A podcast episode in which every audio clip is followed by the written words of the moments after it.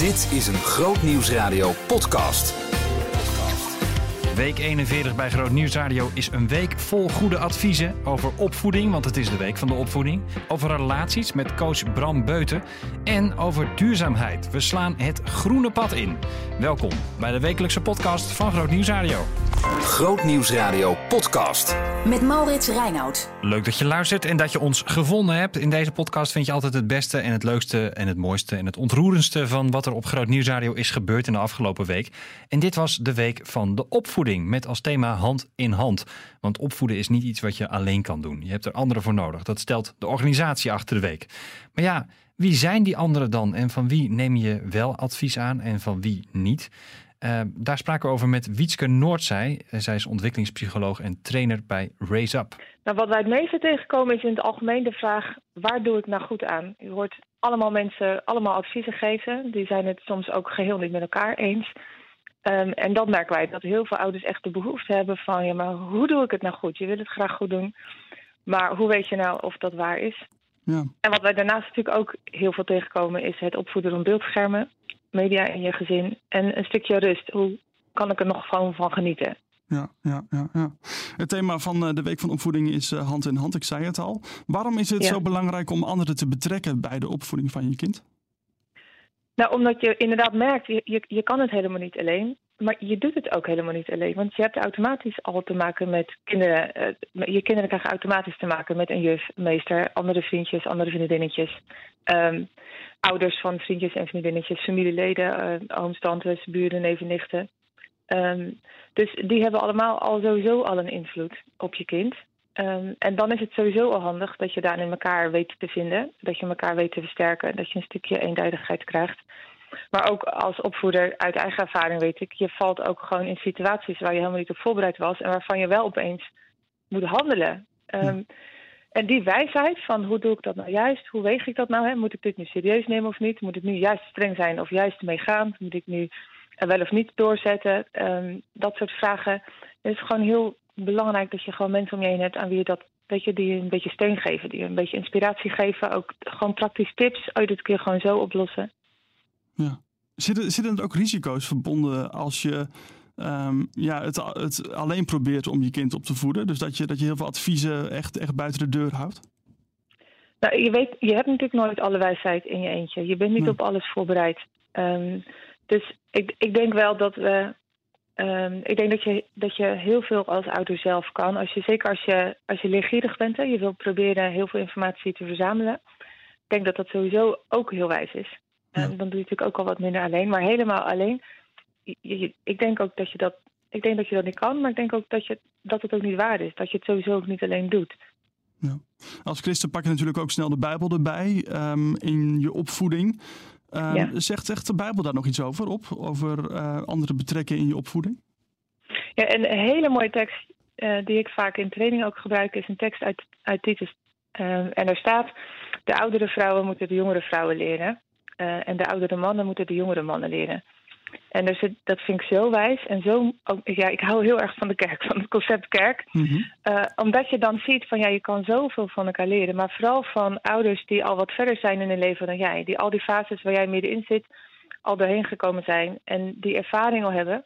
Uh, maar je ook gewoon daarin kunnen ondersteunen. En ik merk dat um, eigenlijk van alle generaties geldt dat. Hè? Als, je, als je tiener bent, heb je tienerleiders nodig die net een paar jaar ouder zijn dan jij. Die je een beetje op weg helpen. Als je twintiger bent, heb je eigenlijk dertigers nodig. En als je aan het opvoeden bent, heb je eigenlijk mensen nodig die, die hun kinderen al een stuk groter hebben.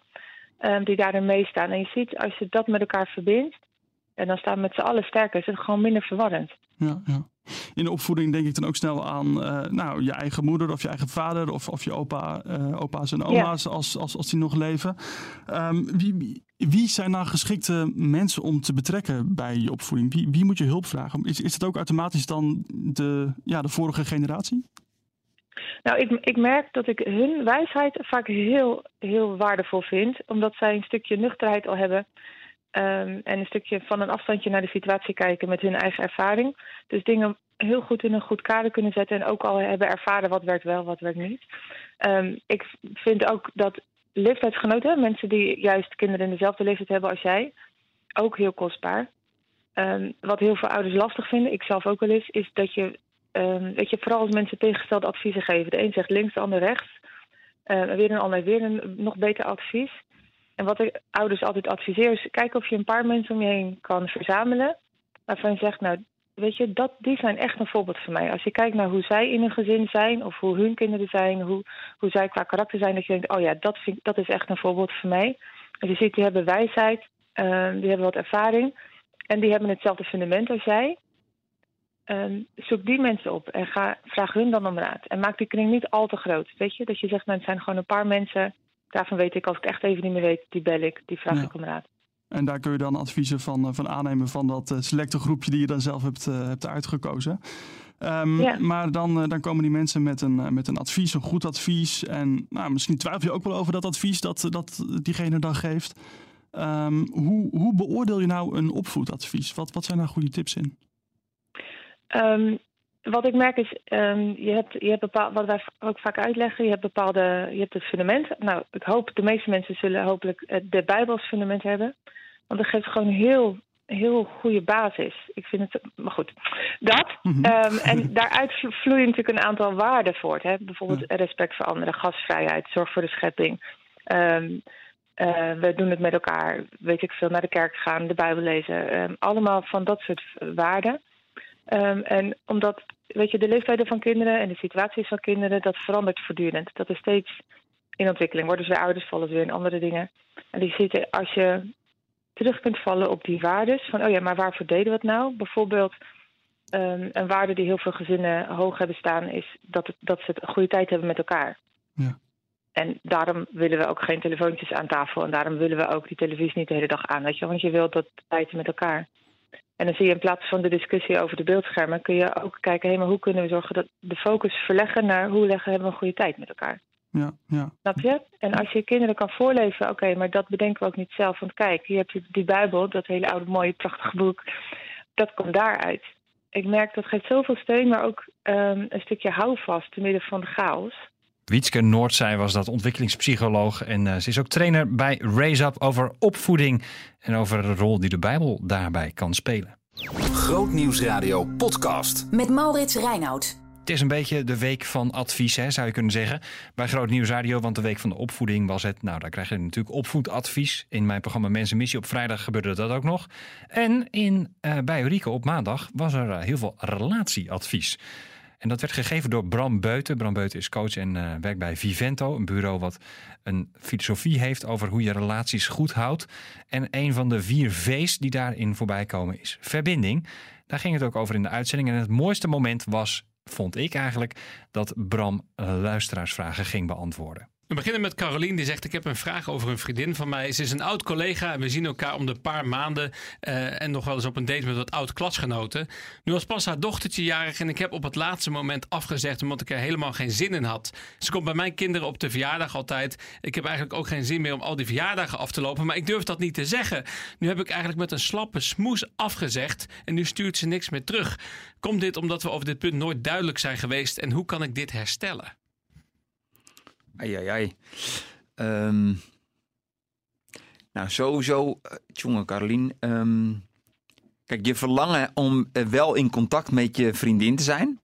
Inclusief oud-collega, dus je hebt ook echt iets opgebouwd met elkaar. Um, nou, dat, die, die komt wel meteen omhoog borrelen. Blijkbaar wil je nog steeds wel echt met haar in contact zijn. En wat blijkbaar daar misschien nooit expliciet gemaakt is, is hoe zijn wij vriendinnen? Hoe zijn wij ex-collega's? Is het, ben jij een ex-collega voor die ander of ben jij een vriendin voor de ander? dus heb je dat bijvoorbeeld scherp en wat zou dan het verschil zijn? Een beetje bijpraten over vroeger of samen leuke dingen beleven, lief en leed delen en met elkaar onderweg zijn. Nou, en als je dan samen vriendin bent, dan heb je nog allerlei varianten. Die, die kan je beperken tot alleen de momenten met z'n tweeën. Of je gaat in elkaars leven een soort interfereren. Dus bijvoorbeeld op bezoek komen bij kinderen en verjaardagsfeestjes. Nou, als dat laatste jou niet eh, past, dan is het inderdaad heel belangrijk om dat inderdaad gewoon open en eerlijk te zeggen. Ik merk dat ik dat, dat dat gewoon niet zo bij me past. Ik heb niet zo heel veel met de mensen daar, of ik vind het een te sociaal karakter en ik ontmoet jou dan nauwelijks. Uh, zou dat voor jou oké zijn als ik daar wegblijf? Hè? Of, of ga je dan af en toe daarheen omdat je weet dat zij het ongelooflijk waardeert dat je juist bij haar kinderen inhaakt? Hè? Ik denk dat, dat ik zou zeggen tegen een vriend van joh, ik vind het hartstikke leuk als je erbij bent. Maar dat hoeft voor mij echt niet hoor. Als wij gewoon uh, morgen weer uh, een mooie dag samen hebben, vind ik het prima. Dus het is soms ook een beetje ingekleurd vanuit jouw kader. Uh, dat je inderdaad denkt dat het niet klopt. Kijk, dat je een smoes hebt gebruikt en dat je daar een soort van, van voelt van dat klopt niet helemaal.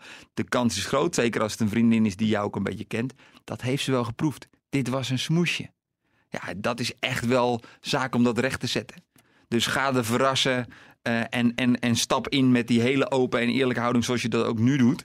Om gewoon te zeggen, hé hey joh, ik wil het echt graag herstellen. En wat heb jij nodig om dit weer even recht te zetten? Want dit is niet zoals ik het heb bedoeld. En ja, ik had er inderdaad geen zin in. Mag, mag dat? Mag ik in onze relatie ergens geen zin in hebben? Heb je nog meer tips? Want dit is natuurlijk gewoon een, wat, wat gewoon af en toe gebeurt. Dat je, dat je om, door omstandigheden, het kan ook echt van alles zijn, dat je uit de verbinding raakt. Hoe kan je toch weer ja, de verbinding herstellen? Ja, nou, dus ik denk dat, dat het heel belangrijk is om inderdaad duidelijk te zijn over wat, wat iemand wel en wat iemand niet van jou kan verwachten. Um, en dat je inderdaad die balans aanbrengt. Dus dat je er soms voor kiest om echt je geen zingevoel recht te doen en te zeggen: ik ga dus niet. En dat je andere momenten zegt: ik heb geen zin, maar vanwege de relatie ga ik wel, want ik weet hoe belangrijk zij het vindt. Um, nou, en, en dat ook communiceren. En zeggen: joh, er zullen momenten zijn in het jaar dat ik gewoon niet kom, omdat ik gewoon door de weken in te druk ben geweest of weet ik het wat. Maar ik zal er ook ervoor zorgen dat ik momenten welkom. Maar dat is ook even, wat nu is op dit voorbeeld, maar ik bedoel het ook ja, nog even gewoon breder. Gewoon breder. Um, nou ja, dus, dus um, uh, daar waar het gewoon uh, niet vanzelf gaat of niet van nature gaat, uh, omdat er blijkbaar een verplichtend gevoel aan zit of, of dat je een soort zoektocht hebt van klopt dit wel samen? Um, ja, open liggen is dan wel mijn eerste advies. Ja. De, dus maak het bespreekbaar. Zeker als het een relatie is waar je al, al jaren met elkaar onderweg bent, dan moet het het toch kunnen hebben. Als het, als het dat niet kan hebben, dan moet je ook afvragen wat voor relatie was dit eigenlijk. En juist weer door waarschijnlijk die kwetsbaarheid ontstaat er alweer vanzelf meer verbinding. Omdat ja. je je hart weer openstelt. Ja, en dan precies. kom je weer die afhankelijkheid kom je weer in en dan ja, kom je bij dan die, beweeg je daar naartoe. Ja. Exact. Een uh, anonieme luisteraar die zegt: We hebben een vriendengroep van vijf tot zes mensen. Het is altijd super gezellig, maar het blijft wel aan de oppervlakte. En daarom voelen wij, mijn vrouw en ik, ons steeds minder verbonden. En dat komt omdat het niet goed met ons gaat en ze weten daar niet half uh, iets van af. Hoe kunnen we dat nou openbreken? Ja. Nou, kijk, waar je dan sowieso mee te maken hebt, is de grootte van de groep. Hè? Dus vijf of zes vriendenkoppels, dat zijn al twaalf mensen die dan om je heen zitten. En daar kan je een hoop lol mee hebben en dat kan echt goed zijn. Um, Zo'n groepje hebben wij zelf bijvoorbeeld ook. Uh, en daar hebben we regelmatig inderdaad avonden met hoop lol en hoop gezelligheid. Maar waar de echte kwetsbaarheid en verbinding ontstaat, is in de intimiteit. Dus uh, mijn eerste uitnodiging naar jou zou zijn, uh, degene die dit ingestuurd heeft. Um, beweeg naar de, intimiteit, naar het kleine stuk. Dus nodig één of twee van die vrienden uit om daar het gesprek over aan te gaan. Ga het niet aan groep erin gooien, want een groep is daar blijkbaar ook verlegen mee. Hoe reageer ik en hoe reageert hij? En dan weet ik niet zo goed wat ik moet zeggen. En dan eigenlijk word je alsnog niet gezien, terwijl je iets heel kwetsbaars inbracht. Namelijk, het gaat niet zo goed met jullie. Dus, dus durf daar eens zeg maar, naar voren te stappen in het kleine. Zodat je zeg maar, het later kan terug laten komen in het grote.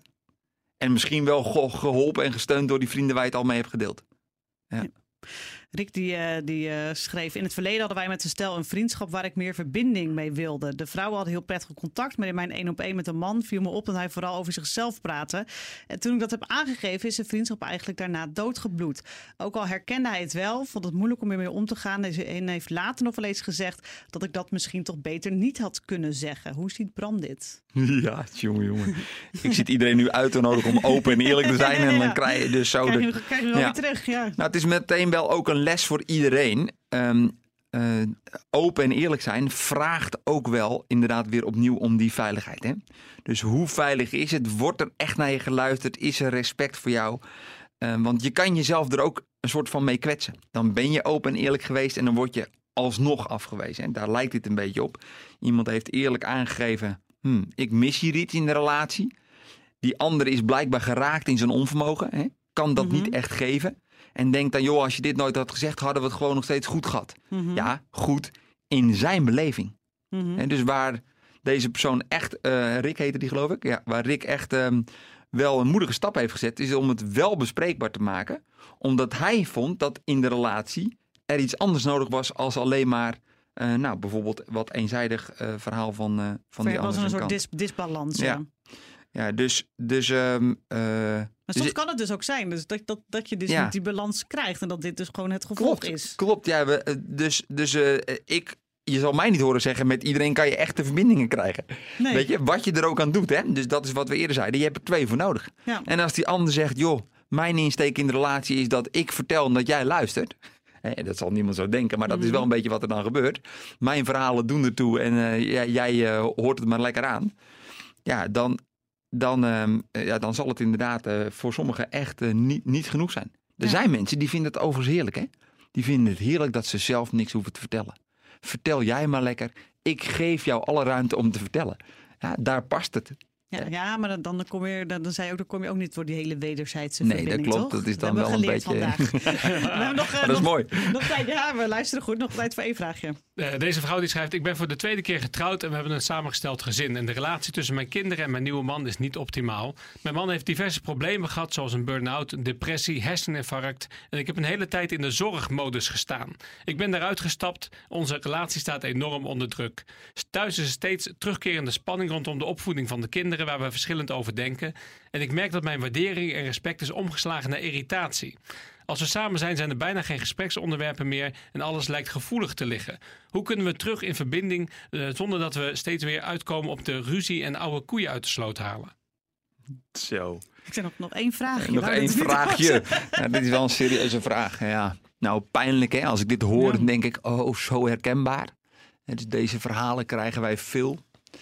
Ehm, eh, dus er is echt wel een verlangen. Er is echt wel ehm, een, ehm, een periode ook geweest waarin het wel leek te kloppen. Hè? Of waar op zijn minst er heel veel liefde was. Want blijkbaar heeft ze, heeft ze veel gegeven. Dat is wat deze eh, vrouw wel vertelt. Ehm, dus hoe kom je dan weer terug naar die momenten dat het wel goed was? Nou, sowieso af en toe de ruimte maken om even uit dat complexe eh, gezinsverhaal te zijn. Dus echt tijd met z'n tweeën te maken. Ehm, want de dynamiek die daar nog een soort meespeelt, hè, met- zeg maar kinderen die ook nog weer eh, een eigen moeder of een eigen eh, vader hebben en daar dus ook nog wel weer allerlei lijntjes mee. Hè, dus zit je met enorme loyaliteitsconflicten. Ehm, dus, dus mijn eerste advies zou zijn: kijk eens of er momenten kunnen zijn dat jij niet in het complexe gezinsverhaal zit, maar dat je echt met z'n tweeën kan zijn. En, en probeer eens te ontdekken wat waren aan het begin, toen jullie met elkaar optrokken en elkaar vonden, eh, de, de bruggen. Waar lagen nou de eerste een soort connecties? Was dat een bepaalde hobby? Was dat een bepaalde interesse? Was dat een bepaalde activiteit waarvan je zei: wij vonden het heerlijk om samen naar het theater te gaan?